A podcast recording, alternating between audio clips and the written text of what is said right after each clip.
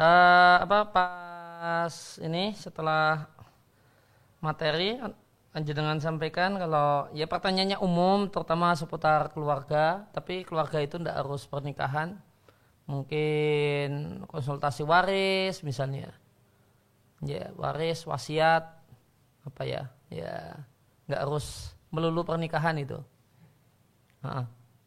parenting bisa masuk ya Ustadz ya Hah? Kalau kayak parenting gitu bisa parenting masuk, bisa bisa ya asal bisa yes. bisa jawab ya bisa. Insya Allah Ustaz.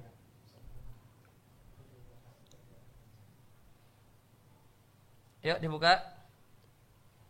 Oke, anak buka dulu Ustaz.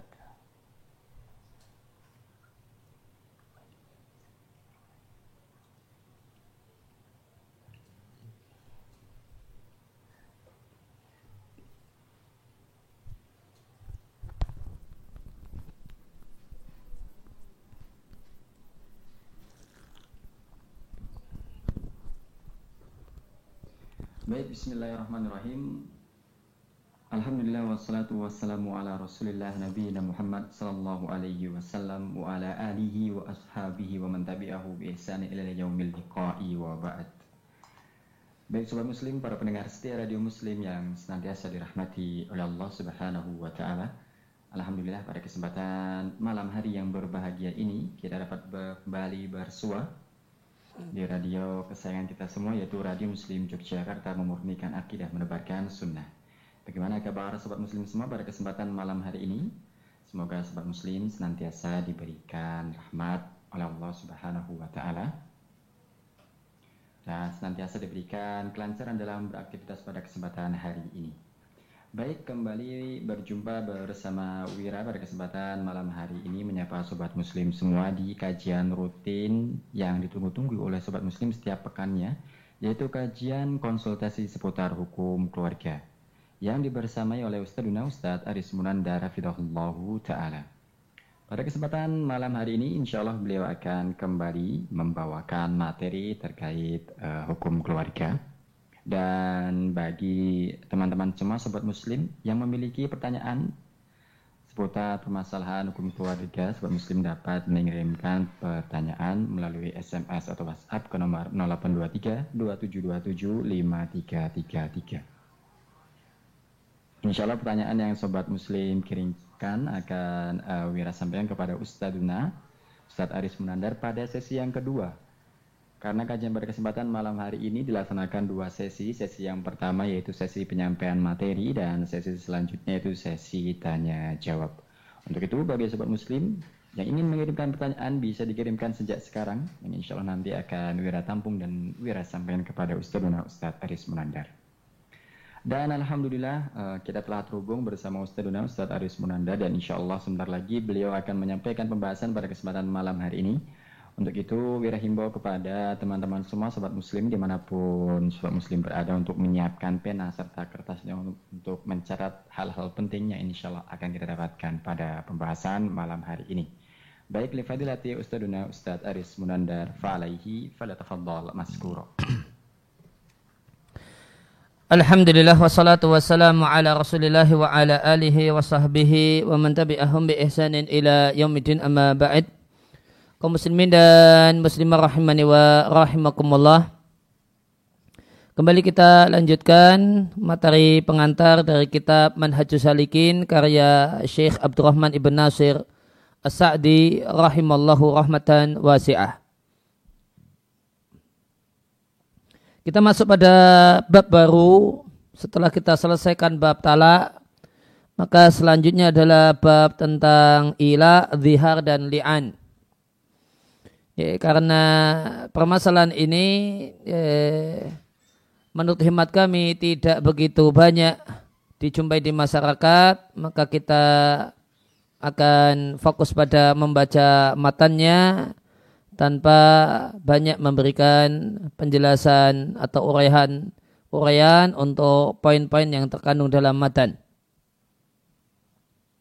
Maka disampaikan di matan manhajus salikin tentang ila Ya, bahasanya ila adalah ayah lifa ala tarki wa ta'i zaujatihi abada au muddatan tazidu ala arba'ati asyurin. Definisi ila adalah sumpahnya seorang suami ya, untuk selamanya tidak akan menyetubuhi istrinya atau bersumpah untuk tidak mengumpuli istrinya, memberikan nafkah biologis kepada istrinya dalam jangka waktu lebih dari empat bulan. Misalnya bersumpah untuk tidak mengumpuli istri selama enam bulan atau selama lima bulan atau selama satu tahun. Nah, itu ilah atau bersumpah untuk tidak ngumpul istrinya selamanya.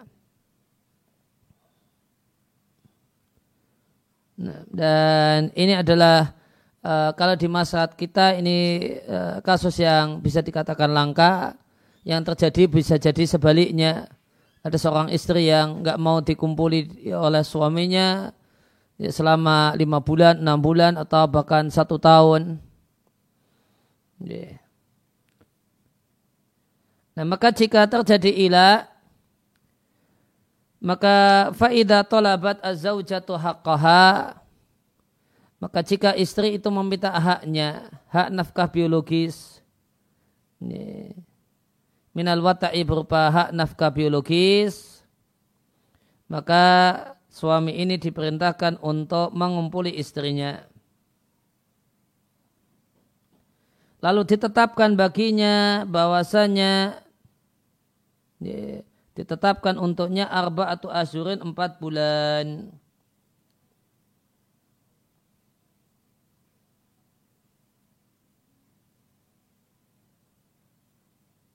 Yang empat bulan tersebut dihitung dari sejak awal uh, si suami bersumpah. Ya. Maka jika akhirnya suami ini mau mengumpuli istrinya, menyetubuhi istrinya, maka dia memiliki kewajiban untuk membayar kafarah sumpah. Ya, maka jika dia memilih untuk menyetubuhi istrinya dan inilah yang lebih baik, maka berarti dia membatalkan sumpahnya dan ini membatalkan sumpah yang hukumnya dianjurkan. Mengingat sabda Nabi Shallallahu Alaihi Wasallam kepada Abdurrahman ibn Samurah. Nabi katakan jika engkau bersumpah dengan satu sumpah, lantas engkau lihat bahasanya membatalkan sumpah itulah yang lebih baik, maka bayar kafarah sumpahmu dan lakukanlah yang lebih baik. Wa inim tana'a, namun jika menolak untuk dikumpuli, uh, menolak untuk mengumpuli sampai empat bulan sampai empat bulan tetap tidak mau mengumpuli istri ulzima bitalaqi maka suami ini dipaksa untuk menjatuhkan talak kepada istrinya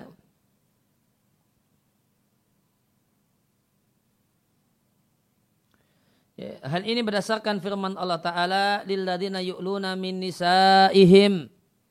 Para suami yang melakukan ilah terhadap istrinya tarabbusu arba'ati asyhurin. Maka ditunggu selama empat bulan. Fa'in fa'u jika suami ini mau kembali kepada istrinya kembali membangun uh, hubungan baik dengan istrinya dengan memenuhi apa yang jadi hak istri fa innallaha ghafurur rahim maka sungguh Allah Maha Pengampun lagi Maha Penyayang. Wa in azamu talaqa jika dia memang telah bertekad bulat untuk menjatuhkan cerai, menjatuhkan talak, fa innallaha sami'un alim. Sesungguhnya Allah adalah zat yang maha mendengar lagi maha mengetahui.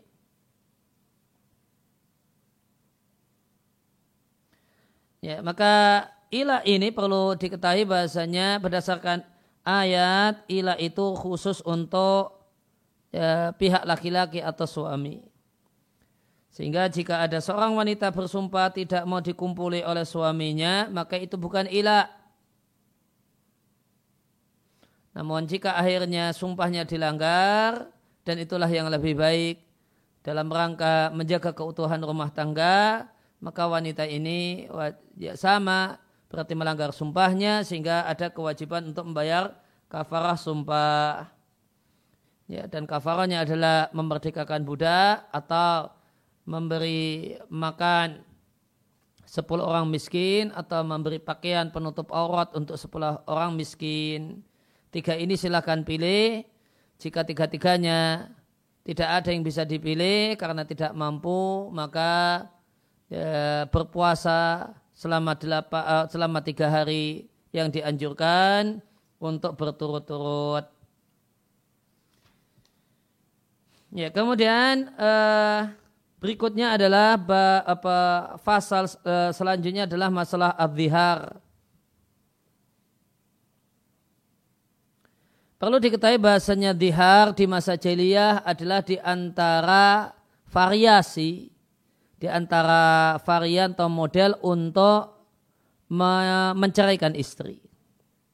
Namun dalam Islam eh, keyakinan atau anggapan jahiliyah ini tidak diterima. Dan dinilai bahasanya zihar itu adalah kalimat yang mungkar. Ya, kurang lebih eh, yang namanya zihar itu tidak kita jumpai di masyarakat kita. Karena zihar sebagaimana disampaikan di matan manhajus salikin definisinya adalah seorang suami berkata kepada istrinya Anti alaya kadhahri ummi. Engkau bagiku seperti punggung ibuku atau kalimat-kalimat yang lainnya min alfadi tahrimi sarihati li zaujatihi yang merupakan kata-kata yang lugas yang maknanya adalah mengharamkan ya, diri untuk menyetubui istri. Jadi ini kalimat eh, maka uh, ini adalah uh, dihar itu kalimat uh, yang intinya adalah mengharamkan diri si suami mengharamkan dirinya untuk menyetubuhi istrinya dengan menyebutkan bahasanya istrinya itu seperti ibunya dan dia akan mensikapi istrinya sebagaimana menyikapi ibunya sebagaimana haram menyetubuhi ibu sendiri maka dia akan posisikan istrinya seperti itu.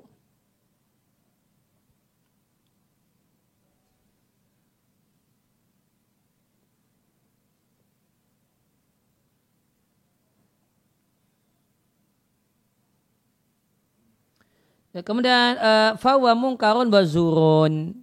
Maka kalimat zihar itu kalimat kemungkaran, wazurun dan kalimat dusta. Sehingga ucapan zihar itu hukumnya haram. Karena suami yang ucapkan ucapan zihar, ya, maka dia melakukan ucapan yang mungkar. Dan ini haram dengan sepakat para ulama'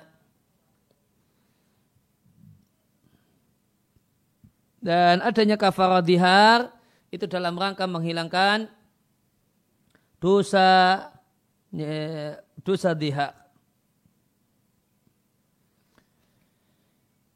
Kemudian di selanjutnya di matan Manhajus Salikin disampaikan wala tahrumu zaujatu bidzalika. Dan istri tidaklah haram untuk dikumpuli dan disetubui disebabkan ucapan dihar dari suami. Namun akan tapi tidaklah halal bagi suami menyentuh si istri sampai dia melakukan apa yang Allah firman Allah perintahkan dalam firman-Nya di surat Al-Mujadilah ayat yang ketiga, keempat dan seterusnya. Walladzina yudhahiru min nisaihim thumma ya'uduna lima qalu. Ya, dan para suami yang mendihar istrinya kemudian meralat apa yang dia katakan raqabatin min qabli ayatamasa maka dia wajib memerdekakan budak sebelum mengumpuli istri. Dalikum yu'tu'aduna bih Allah bima ta'maluna khabir. Demikian nasihat yang diberikan kepada kalian dan Allah itu maha mengetahui apa yang kalian lakukan. Faman lam jadid fasya musyaraini mutatabi'aini min qabli ayatamasa. Siapa yang tidak menjumpai budak, maka wajib puasa dua bulan berturut-turut sebelum kumpul dengan istri. Famalam yastati fa'ita'amu sittina miskina. Dan siapa yang tidak mampu maka wajib memberi makan 60 orang miskin. Dzalika litu'minu billahi wa rasulih. Demikian itu supaya kalian beriman pada Allah dan Rasulnya. Wa tilka hududullah. Itulah batasan-batasan Allah. Walil kafirina adabun alim. Dan bagi orang-orang kafir siksaan yang pedih. Sehingga kafarahnya adalah fayu'taku fayu'tiku raqabata mu'minatan. Suami wajib memerdekakan budak yang beriman dan budak tersebut budak yang terbebas dari aib, terbebas dari cacat yang mengganggu aktivitas kerja dia. Jika suami tidak menjumpai budak, semacam zaman ini tidak ada budak, maka somah sahraini mutatabi'aini berpuasa dua bulan berturut-turut, dan dua bulannya adalah dua bulan pakai kalender hijriah. Fa'ilam yastati ata'ama sitina miskina jika tidak mampu karena sudah tua atau karena sakit ya, atau karena sibuk kerja yang wajib atau yang lainnya maka memberi makan 60 orang miskin.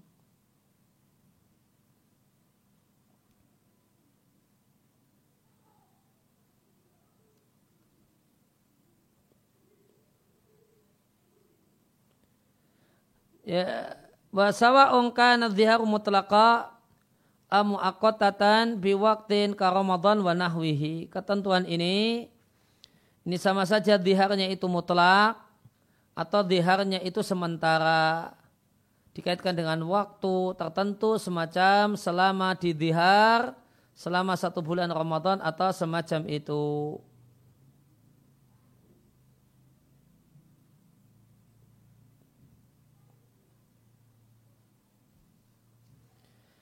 Kemudian wa amma tahrimul mamlukati wa ta'am wa libas wa khairiha fa fihi kafaratu yaminin. Ya, kemudian uh, di sini kemudian dibahas adapun tindakan dan ucapan mengharamkan diri sendiri untuk mengumpuli budak perempuan Ya, maka ini bagian dari mengharamkan diri sendiri untuk menikmati hal yang mubah. Maka dia semisal dengan wata'am. Mengharamkan diri sendiri untuk uh, tidak mengkonsumsi makanan tertentu. Semacam demi Allah saya tidak akan minum madu misalnya. Atau pakaian tertentu dan yang lainnya. Fafihi kafaratu yaminin ya, maka tindakan mengharamkan diri sendiri ya, untuk mengkonsumsi hal-hal yang mubah ini berdampak adalah uh, kewajiban untuk membayar kafarah sumpah. Jadi misalnya seorang muslim mengatakan makanan ini haram bagiku atau pakaian ini haram bagiku atau dia mengharamkan hal-hal uh, yang mubah yang lainnya.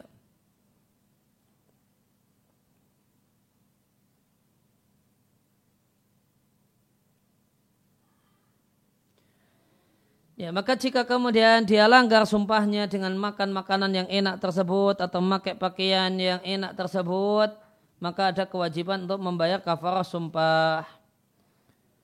Ya, Likaulihi ta'ala karena firman Allah ta'ala, Ya ayyuhalladzina amanu la tuharrimu thayyibati ma ahlallahu lakum. Wahai orang-orang yang beriman, janganlah kalian mengharamkan hal-hal yang enak yang telah Allah halalkan untuk kalian.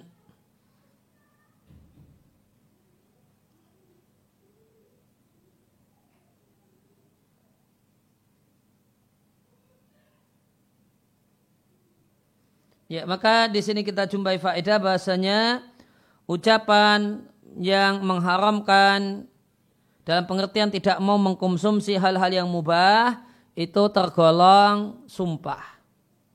Meskipun pengharuman tadi tidak menggunakan kalimat sumpah.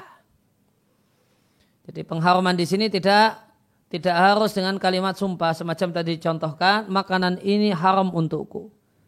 Kuharamkan diriku untuk mengkonsumsi ini, bakso misalnya.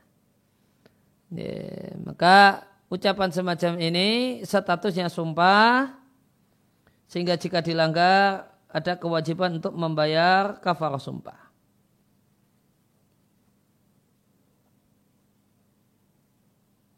Namun perhatikan dalam hal ini pengharaman itu ada dua macam. Pengharam dalam artian meyakini haramnya sesuatu yang Allah halalkan. Maka ini bahaya. Dan ini pembatal iman. Seorang yang meyakini bahasanya makan roti, makan nasi itu haram.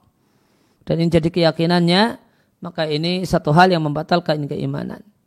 Namun jika yang dimaksud dengan pengharaman ini adalah tindakan tidak mau mengkonsumsi.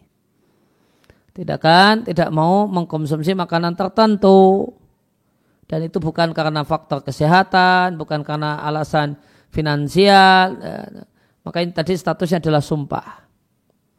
Statusnya adalah sumpah boleh bisa dilanggar namun berkonsekuensi bayar kafarah.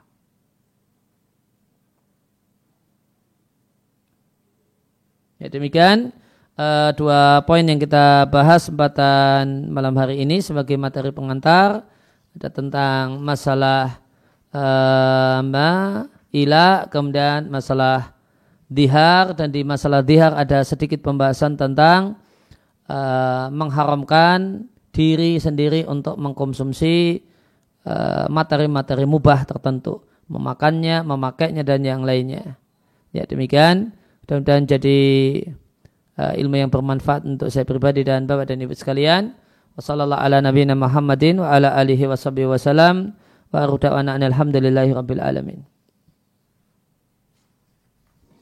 Baik, syukron Ustaz, jazakumullahu khairan kathiran atas penyampaian materi pada kesempatan malam hari ini. Dan baik Sobat Muslim, para pendengar setia Radio Muslim di mana pun Sobat Muslim berada.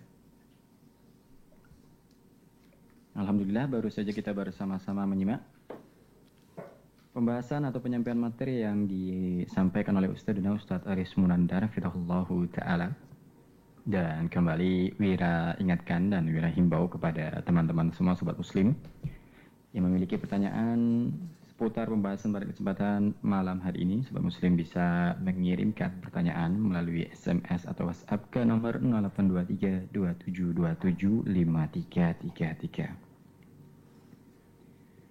Baik, selanjutnya kita akan masuk pada sesi yang kedua yaitu sesi tanya jawab. Dan Alhamdulillah telah masuk beberapa pertanyaan pada kesempatan malam hari ini Ustadz.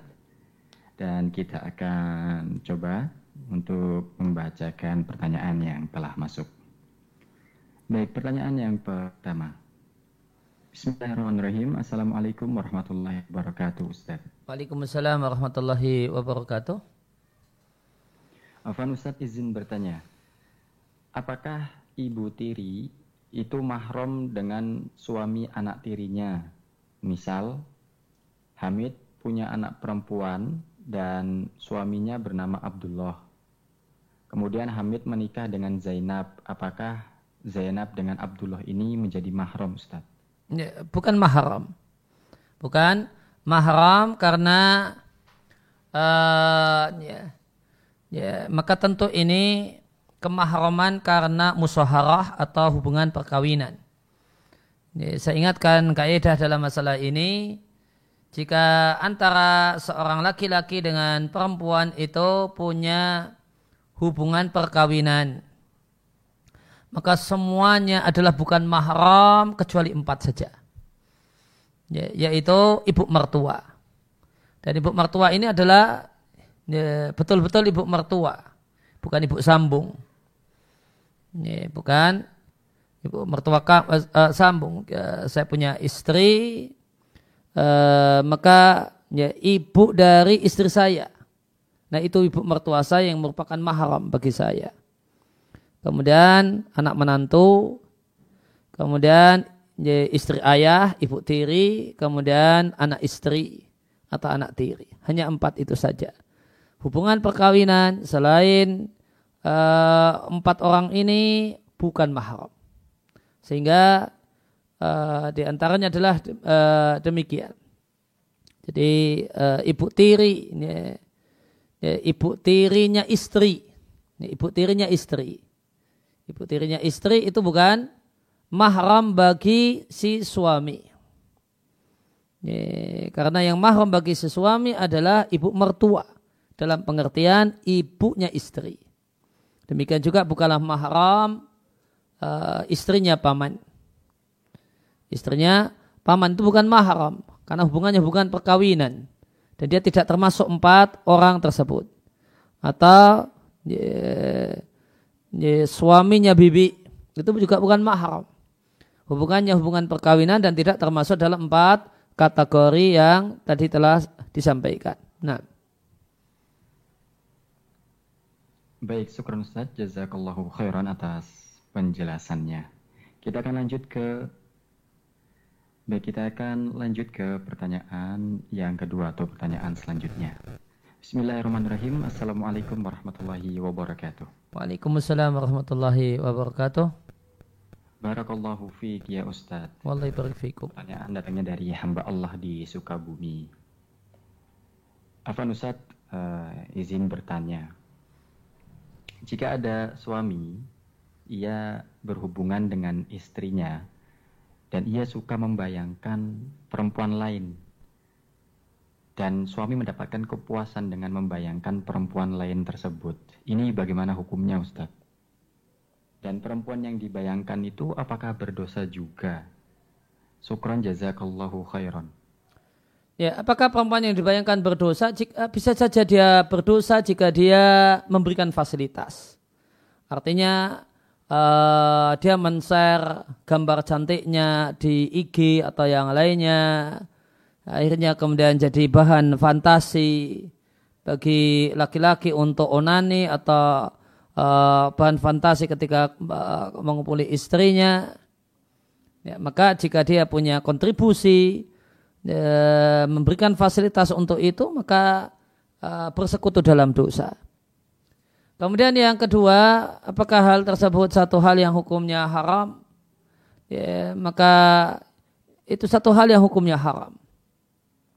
Karena di antara zina adalah zina hati. Yang itu adalah ya, isinya adalah bentuknya adalah membayang-bayangkan. Membayang-bayangkan untuk nikah dengan si dia atau membayang-bayangkan bersetubuh dengannya ya maka itu bagian dari zina hati sehingga ya, yang benar hukumnya adalah haram. Nah. Baik, sebelum Ustaz, jazakallahu khairan atas penjelasannya. Baik, kita akan masuk ke uh, pertanyaan selanjutnya. Assalamualaikum warahmatullahi wabarakatuh. Waalaikumsalam warahmatullahi wabarakatuh. Afan Ustadz izin bertanya terkait dengan pembahasan yang tadi Ustadz sampaikan. Misalnya, ada seseorang melarang dirinya untuk memakan sesuatu yang mengandung gula karena dirinya ini diabetes Ustadz. Apakah ini termasuk mengharamkan apa yang Allah halalkan Ustadz? Mohon penjelasannya. Ya, penjelasan detailnya begini. Jadi uh, mengharamkan apa yang Allah halalkan itu ada ya, dua macam. Yang pertama itu dari sisi iktiqat keyakinan. Meyakini sesuatu yang jelas-jelas Allah halalkan sebagai satu hal yang haram dalam keyakinannya. Misalnya meyakini haramnya makan daging kambing, haramnya makan daging sapi, ya, haramnya ya, Eh, makan roti dan seterusnya. Maka ini membatalkan iman. Kemudian yang kedua pengharaman dari sisi tindakan. Dari sisi tindakan bentuknya adalah tidak mau mengkonsumsi. Maka mengharamkan yang halal dalam bentuk tidak mau mengkonsumsi, tidak mau menikmati, maka ini ada beberapa macam. Macam yang pertama karena alasan logis.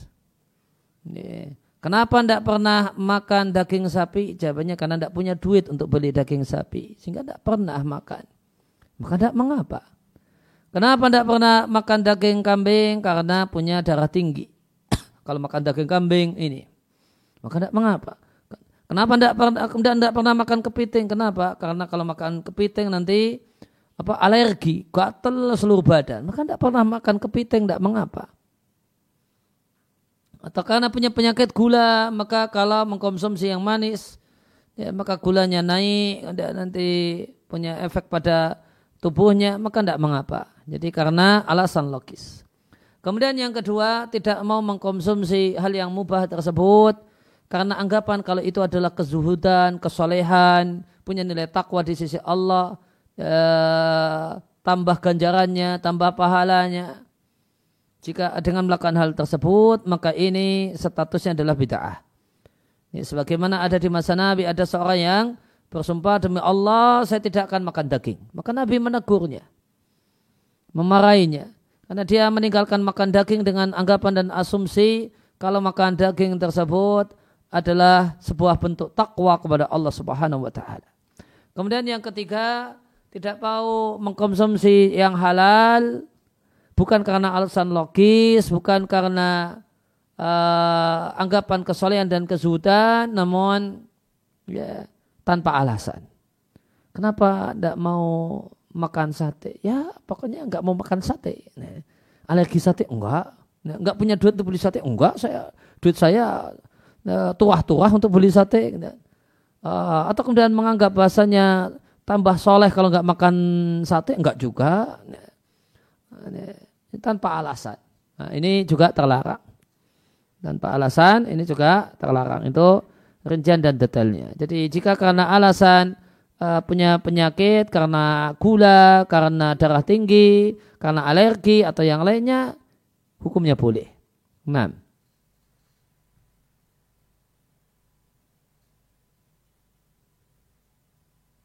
Cek cek Mas Wira? Mas Wira? Cek cek. Oh ya. Apa Ustaz ini agak terputus. Baik, eh, syukur Ustaz, jazakallahu khairan. Kita akan lanjutkan ke pertanyaan selanjutnya. Baik, bismillahirrahmanirrahim. Afan Ustadz izin bertanya. Apakah menikah itu harus mempersiapkan pekerjaan yang tetap agar suatu saat menikah sudah punya pekerjaan tetap dan apakah menikah yang ideal itu lebih baik menikahi muslimah yang telah ditinggalkan oleh kedua orang tuanya atau anak yatim piatu. Syukron Ustadz, mohon penjelasannya. Ya, yang yang wajib dalam uh, pernikahan adalah kemampuan untuk menafkahi istri kemampuan untuk menafkahi istri itu tidak harus punya pekerjaan. Boleh jadi tidak punya pekerjaan namun mampu menafkahi istri, tidak apa-apa menikah. Contohnya masih mahasiswa. Namun eh, ayah dari si laki-laki mengatakan nikah sana le, nikah sana mas, ya, nafkah istrimu bapak yang nanggung. Nah, maka itu nikah ideal, itu bukan satu hal yang tidak ideal. Ya, dan dalam hal ini suami telah melaksanakan kewajibannya menafkahi istri. Istri jangan beranggapan suami saya belum menafkahi karena itu duit dari eh, bapak mertua. Enggak, itu menafkahi. Bapak mertua turun ke anak lanang, anak laki-laki, anak laki kemudian ngasihkan sama istrinya. Maka dia telah menafkahi. Jadi kata kuncinya adalah punya kemampuan untuk menafkahi istri. Bisa jadi pertama subsidi orang tua, kemudian yang kedua pekerjaan. Pekerjaan tidak harus pekerjaan yang mapan, yang penting ya punya penghasilan. Ya, yang penting punya penghasilan. Artinya dia kerja seminggu, ya, dari kerja seminggu itu bisa hidup dua bulan. Nah, ya sudah ya, kena desainer kelas apa desain grafis atau apa punya proyek nah, sekali proyek bisa untuk hidup ya, dua bulan ya sudah dia cuma kerja seminggu habis itu ya tulan-tulan nyantai-nyantai seneng-seneng sama istri nanti kalau udah mau habis ah cari kerjaan lagi nah itu berarti kerjaannya tidak rutin tidak mengapa tidak harus kerja rutin setiap hari boleh jadi malah kemudian yang kerja seminggu tadi pendapatannya lebih banyak daripada yang kerja rutin setiap hari. Jadi kata kuncinya adalah maka adalah kemampuan untuk menafkahi istri. Bisa jadi karena subsidi orang tua, bisa jadi karena punya penghasilan dan pekerjaan, atau boleh jadi punya tabungan. Jadi punya warisan, ya punya warisan. Ya, si, uh, si anak laki-laki ini orang tuanya lak, uh, ayahnya meninggal dunia dalam meninggalkan warisan. Ya. Warisannya yang dia dapatkan dari si anak laki-laki ini warisannya 1 M. Ya, warisannya 1 M misalnya. Nah kemudian dia cuma makan tabungan. Ya. uh, sementara ini kemudian menikmati ya mumpung pengantin anyar dan seterusnya ya, ya maka satu m itu di diirit-irit atau kemudian dipakai sewajarnya ya, sehingga dia tidak punya pekerjaan namun dia punya kemampuan untuk menafkahi istrinya maka itu telah sah ya, sebagai seorang suami yang baik memenuhi nafkah istri ya, jadi bisa jadi uh, ada subsidi uh, orang tua, bisa jadi ada karena pekerjaan, bisa jadi karena punya aset dan punya harta. Nah, kemudian apakah yang paling afdal adalah menikahi seorang perempuan yang uh, sudah ditinggal mati oleh ayah dan ibunya? Ya, saya baru dapat uh, pertanyaan kali ini ya, dan anggapan dan asumsi semacam ini. Ya, jika yang dimaksudkan adalah berbuat baik kepada anak yatim, maka perlu diketahui normalnya keadaan di tempat kita ya menikahi wanita tersebut sudah tidak lagi anak yatim, namun sudah mantan anak yatim. Karena anak yatim itu cuma sampai balir. Setelah balir, maka statusnya mantan anak yatim. Sehingga apakah menikahi istri atau menikahi seorang wanita yang merupakan yang sudah ditinggal mati oleh ayahnya itu termasuk berbuat baik kepada anak yatim? Jawabannya tidak. Ya, namun dia berbuat karena statusnya adalah berbuat baik kepada mantan anak yatim. Jadi anggapan uh, demikian ya, adalah anggapan yang tidak tepat. Yang afdal untuk dinikahi adalah wanita yang baik agamanya, ya, gadis dan bukan janda, dan atau dan faktor yang lainnya. Dan jika dia adalah dari keluarga miskin kemudian dengan niat uh, menolong orang miskin, maka bisa jadi satu amal yang afdol karena faktor-faktor tersebut. Nah. Baik, uh, syukran Ustaz jazakallahu khairan atas uh, penjelasannya. Kita akan lanjut ke pertanyaan selanjutnya. Bismillahirrahmanirrahim. Afan Ustadz izin bertanya. Jika ada keluarga yang mengangkat anak, apakah anak tersebut menjadi mahram bagi ayah dan ibu yang mengangkatnya atau uh, selamanya anak tersebut uh, tidak menjadi mahram? Mohon penjelasannya Ustaz. Ya, jika anak angkat tersebut orang lain, maka semata-mata jadi anak angkat meskipun itu resmi di pengadilan, uh, sudah jadi anak angkat, maka itu dalam hukum agama tetap jadi orang lain.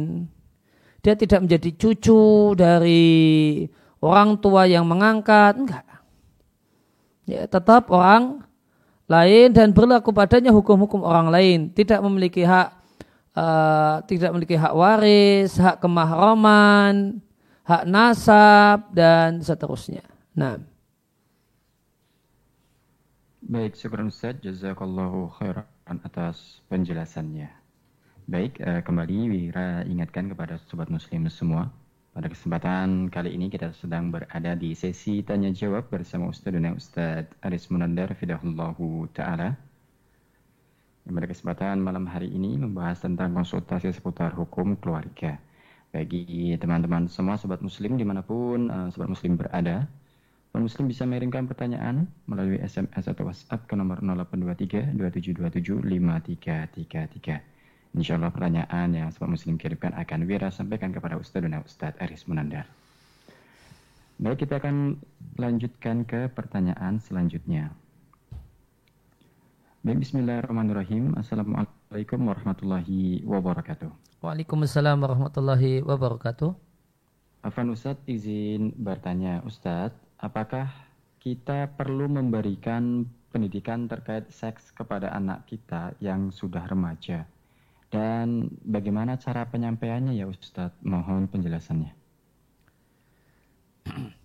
Ya, pendidikan seksual dalam arti berkenaan dengan maaf-maaf kemaluan, uh, tentang junub, tentang kemudian atau hukum pacaran dan yang lainnya satu hal yang wajib untuk disampaikan. Ya. Maka anak harus mengerti bahasa apa hukum pacaran, gimana hukum interaksi antara laki-laki dengan perempuan. kemudian uh, apa itu mimpi basah, ya, kemudian uh, bagaimanakah mandi junub, ya, kemudian air uh, cairan-cairan yang keluar dari kemaluan, terutama anak laki-laki, apa itu mani, apa itu madi, apa itu wadi, mana yang najis, mana yang suci. Ini ini ilmu yang hukumnya fardu ain dimiliki oleh anak yang sudah balik yang dalam bahasa kita remaja maka ini jika mereka belum mengetahui hal ini mereka berdosa dan orang tua yang uh, ya, orang tua wajib memberikan fasilitas kepada anak untuk bisa me mengetahui ilmu fardu ain semacam ini nah Baik, syukuran Ustaz, jazakallahu khairan atas uh, penjelasannya. Kita akan lanjut ke pertanyaan selanjutnya. Baik, bismillahirrahmanirrahim. Afan Ustadz izin bertanya. Uh, apakah istri yang dicerai yang dicerai itu tetap mendapatkan warisan Ustadz? Mohon penjelasannya. Istri yang dicerai itu jika telah selesai masa iddahnya maka dia tidak mendapatkan warisan dari dari mantan suaminya. Namun jika uh, ketika istri itu dicerai dan cerainya masih talak rejai, talak pertama atau talak kedua, kemudian suaminya yang mencerai ini meninggal saat masa iddah belum berakhir, maka wanita ini masih berhak untuk mendapatkan warisan dari suami yang telah menceraikannya. Syaratnya masa idah belum berakhir. Nah. Baik, syukur Ustaz. Jazakallahu khairan. Kita akan lanjutkan ke pertanyaan selanjutnya. Baik, bismillahirrahmanirrahim. Afan Ustadz izin bertanya. Jika suami istri memiliki usaha yang dikelola bersama-sama dan kemudian keuntungannya itu langsung dibagikan masing-masing.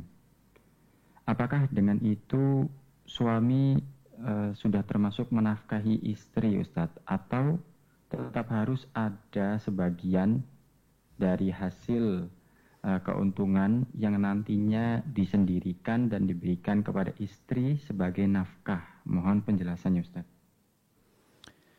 Ya, jadi ketika ada usaha bersama suami istri, maka itu usaha bersama. Ya, itu usaha bersama. Kemudian ya, ya idealnya ada uh, kejelasan persentase kepemilikan. Kemudian pembagian keuntungan. Maka setelah kemudian ketemu keuntungannya, maka dibagikan. Misalnya 50-50, 50 persen, 50 persen. Ya, maka 50 persen yang diberikan ke, keuntungan yang diberikan pada istri adalah harta milik istri. 50 persen yang kemudian uh, uh, diambil oleh si suami maka itu harta milik suami. Setelah itu suami memiliki kewajiban untuk menafkahi istrinya. Ya, maka dengan semata-mata pembagian keuntungan tidak kemudian dinilai suami telah menafkahi istrinya. Ya, dan dalam hal ini bisa saja ada uh, bisa saja ada perjanjian uh, perjanjian. Ya, antara suami istri ini perjanjian ya karena ya, dirimu ikut ya ke toko ikut ngurusi ini sehingga uh, rumah kemudian ya kurang terurus suami pun ya harus ikut terlibat banyak dalam urusan rumah ya ikut mungkin ngepel-ngepel ikut nyuci ikut macam-macam ya maka suami kemudian meminta bahasanya penghasilan istri yang 50% tadi tidak seluruhnya menjadi hak milik istri namun ya dia minta dari uh, total penghasilan istri dia minta agar 50 persennya dimasukkan ke uh, sondukul usroh. Ya, jadi kas keluarga yang ini nanti dipakai untuk keperluan uh, bersama, misalnya bayar listrik, bayar PAM dan sebagainya, uang sampah dan sebagainya. Maka boleh ada kesepakatan semacam itu. Dan jika tidak ada kesepakatan semacam ini, maka pembagian keuntungan itu ya masuk ke kantong istri sebagai harta istri, harta kekayaan istri. Dan suami memiliki kewajiban untuk menafkahi istri yaitu memenuhi kebutuhan pakaiannya, kebutuhan makannya dan kebutuhan pakaiannya dan kebutuhan-kebutuhan dasar reguler lainnya. Nah. Baik, syukur Ustaz. Jazakallahu khairan atas penjelasannya. Kita akan lanjut ke pertanyaan selanjutnya. Bismillahirrahmanirrahim.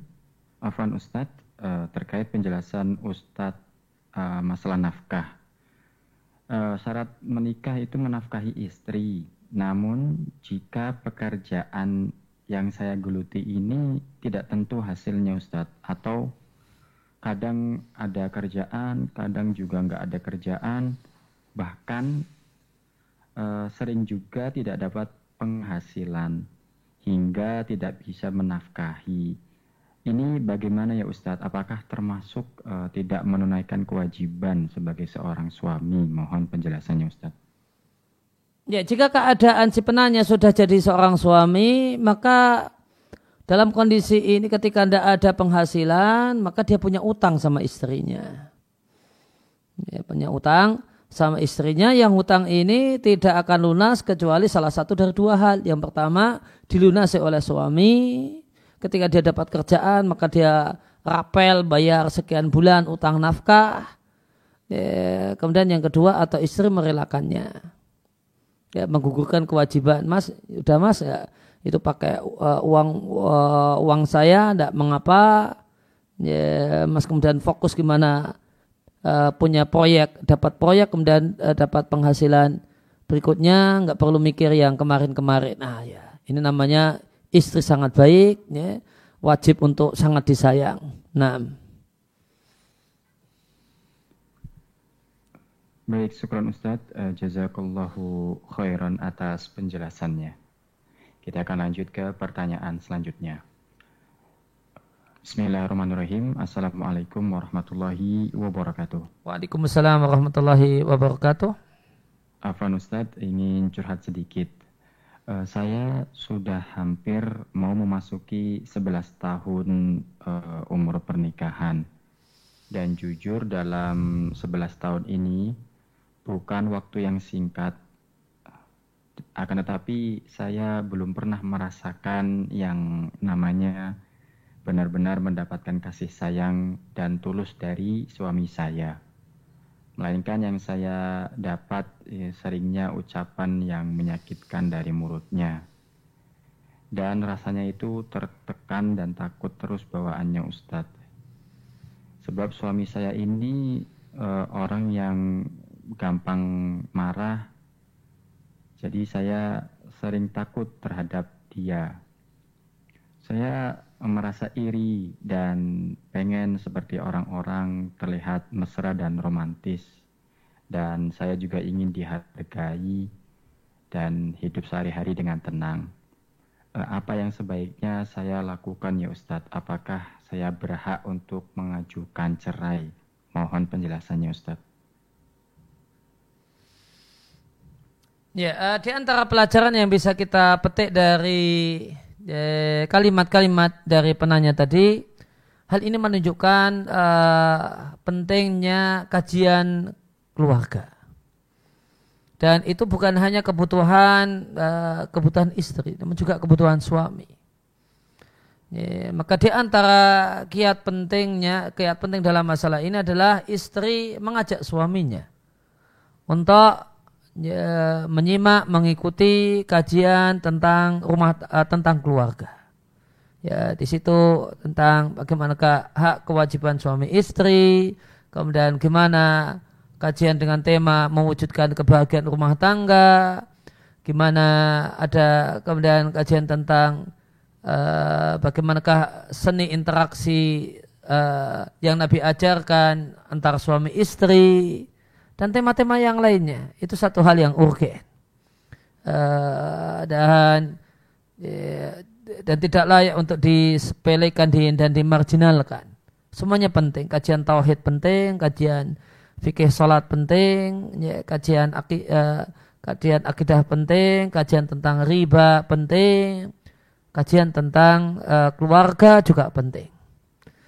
Karena karena faham tentang apa yang semestinya dilakukan. Suami terhadap istrinya istri terhadap suaminya itu sebab kebahagiaan uh, rumah tangga. Sebab kebahagiaan keluarga. Dan jika keluarga-keluarga kaum muslimin itu bahagia maka akan tercetak masyarakat yang bahagia. Ya, karena keluarga adalah jantung masyarakat keluarga ketika keluarga kaum muslimin itu penuh dengan kebahagiaan karena masing-masing faham hak dan kewajibannya, faham bagaimanakah uh, kemudian uh, faham dan kemudian punya semangat untuk ya, membangun rumah tangga sebagaimana uh, yang dicontohkan dan diteladankan oleh Nabi Shallallahu Alaihi Wasallam maka itu akan jadi sebab kebahagiaan masyarakat, kebahagiaan anak-anak dan seterusnya. Ya, semua orang berhak untuk bahagia. Ya, namun cara untuk kemudian mewujudkan bahagia jalan likaliku untuk menuju bahagia antara satu orang dengan orang lain boleh jadi berbeda-beda. Dan yakinlah bahasanya apa yang Allah berikan kepada kita adalah yang terbaik bagi diri kita. Boleh jadi keadaan yang uh, penuh dengan duri dan terjal ini boleh jadi kita bisa introspeksi diri dan itu adalah sebab karena dosa-dosa kita di masa lalu. Ini boleh jadi karena sebab dosa-dosa kita di masa lalu. Sebagaimana uh, Ibn Abi Zaid Al-Qarewani, seorang ulama besar madhab uh, Maliki, seorang ulama dari Tunis di masa silam, beliau Allah takdirkan mendapatkan seorang istri yang sangat pedes lisannya, sangat tajam lisannya pinter kalau ngomel, kalau nyereweti suaminya ini. Dan luar biasanya hal ini sampai diketahui oleh murid-murid ngaji dari suaminya. Suaminya ulama besar. Ya, suaminya ulama besar, ya, muridnya banyak. Ya, nah murid-murid ini sampai tahu keadaan rumah tangga gurunya. Dan semuanya kasihan kepada rumah tangga gurunya ini. Dan sampai sebagian murid mengatakan kepada gurunya, ya bahasa bebasnya, ya wahai guru, kenapa tidak kau ceraikan saja istrimu yang seperti itu? Pas lagi pengajian, kemudian dia datang marah-marah nyocos si suaminya, gitu. dan suaminya cuma diem saja, dan tidak uh, banyak kemudian merespon. Kenapa tidak diceraikan saja? Ya, maka ada jawaban yang sangat apik disampaikan oleh Ibnu Abu Zaid Eh, Al-Qayrawani rahimallahu taala. Beliau katakan uh, saya meyakini dan menyadari bahasanya ya, ternyata Allah uh, takdirkan diriku untuk punya istri semacam itu itu adalah karena sebab dosa-dosaku di masa silam, di masa muda, di masa remaja. Ya, dampaknya adalah ditakdirkan dapat pasangan hidup semacam ini. Dan itu adalah azab Allah dan hukuman Allah karena uh, maksiat-maksiat yang kulakukan. Dan aku khawatir, ya, dan aku khawatir jika aku ceraikan, malah yang terjadi adalah Allah akan kirimkan azab yang lebih parah, azab yang lebih hebat. Ya, karena tidak ada jaminan nanti ganti istri, kemudian keadaannya lebih baik. Tidak ada jaminan. Ya, keadaannya gelap. Gelapnya boleh jadi gelap yang pekat, maka beliau katakan, ya, aku khawatir jika aku ceraikan nanti datang gantinya bukan uh, bukan yang lebih baik, namun yang lebih buruk. Ya. Demikian beliau katakan. Ya, maka itu sebagai bahan introspeksi kita tidak mau memastikan apakah kasus ini kemudian sebagaimana kasus beliau atau yang lainnya. Namun itu sebagai bahan introspeksi. Dan ya, ya, sebenarnya kata kunci untuk ya, disayang oleh suami itu adalah ya, adanya komunikasi. Coba bangun komunikasi yang baik dengan suami dan intinya bahasanya dua tuntutan dari masing-masing suami dan istri itu dipenuhi. Suami itu pengen dihormati dan dihargai, istri itu ya, pengen diperhatikan. Ya, kewajiban suami berupaya untuk memberikan care, perhatian, sebisa yang dilakukan. Bisa jadi karena kesibukan, ya care-nya dengan uh, menyempatkan diri untuk telepon, untuk sekedar chat WA dan sebagainya. Dan suami juga, istri juga uh, berupaya untuk memenuhi uh, apa, keinginan su uh, suami, normalnya suami.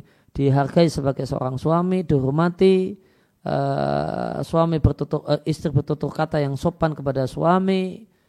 Ya, istri kemudian punya semangat untuk uh, melayani suami, melayani uh, makannya suami dan dan hal-hal yang lainnya yang uh, yang kemudian uh, remeh yang boleh jadi dianggap remeh oleh sebagian orang. Ya, ini dipenuhi maka insya Allah Taala uh, ya, kemudian apa yang jadi kebutuhan dan keinginan hati itu sudah terpenuhi, terpuaskan, maka di situ akan ada tambah sayang, tambah cinta. Gitu. Maka seiring tambahnya usia rumah tangga, cinta itu tumbuh semakin besar. Yaitu kembali kepada kepandian masing-masing pasangan untuk mengambil hati uh, pasangannya dan itu tidak harus yang muluk-muluk berangkat dari yang kecil-kecil.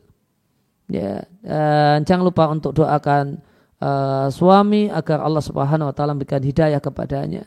Dan semoga Allah Subhanahu wa taala memberikan ya, jalan keluar pada penanya dan semoga Allah Subhanahu wa taala menjadikan rumah tangga semua orang yang uh, menyimak dan hadir di kelas virtual ini rumah tangga-rumah tangga yang berbahagia di dunia dan di akhirat. Nah. Baik, syukran Ustaz. Jazakallahu khairan atas nasihatnya. Baik, selanjutnya dan mungkin ini pertanyaan terakhir kita Ustadz pada kesempatan malam hari ini. Kita akan bacakan pertanyaannya. Bismillahirrahmanirrahim. Assalamualaikum warahmatullahi wabarakatuh. Waalaikumsalam warahmatullahi wabarakatuh.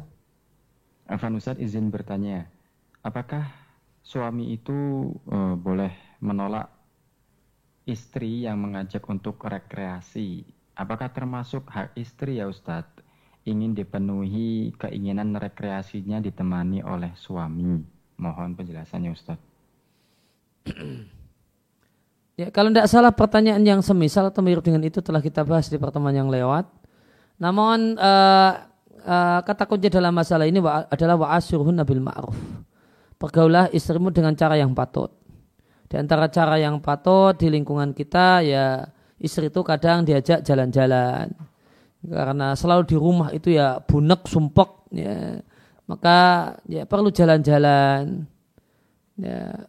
Dan itu satu hal yang sudah menjadi kepatutan di lingkungan kita. Kalau di Jogja dan sekitarnya.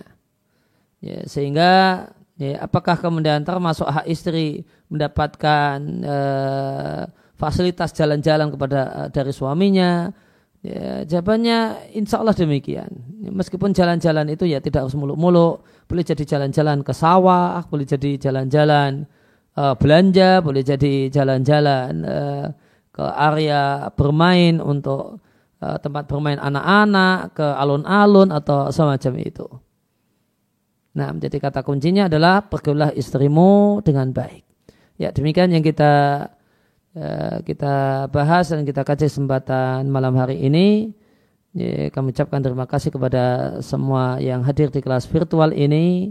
Semoga kehadiran kita di kelas virtual ini Allah catat sebagai amal soleh, amal ibadah yang memperberat timbangan kebajikan kita di sisi Allah Subhanahu wa taala.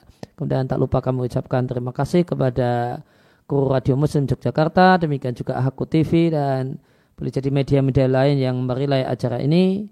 Kami ucapkan jazakumullah khairan. Semoga Allah Subhanahu wa taala uh, memberikan balasan yang berlimpah berupa keberkahan hidup, kesehatan, terjaganya iman untuk antum sekalian, untuk semua orang yang punya kontribusi uh, berjalan lancarnya uh, kajian dan amal soleh ini. Demikian kurang lebihnya mohon maaf. Wassalamualaikum warahmatullahi wa ala alihi wasallam. Wa akhiru da'wana alhamdulillahi rabbil alamin. Wassalamualaikum warahmatullahi wabarakatuh.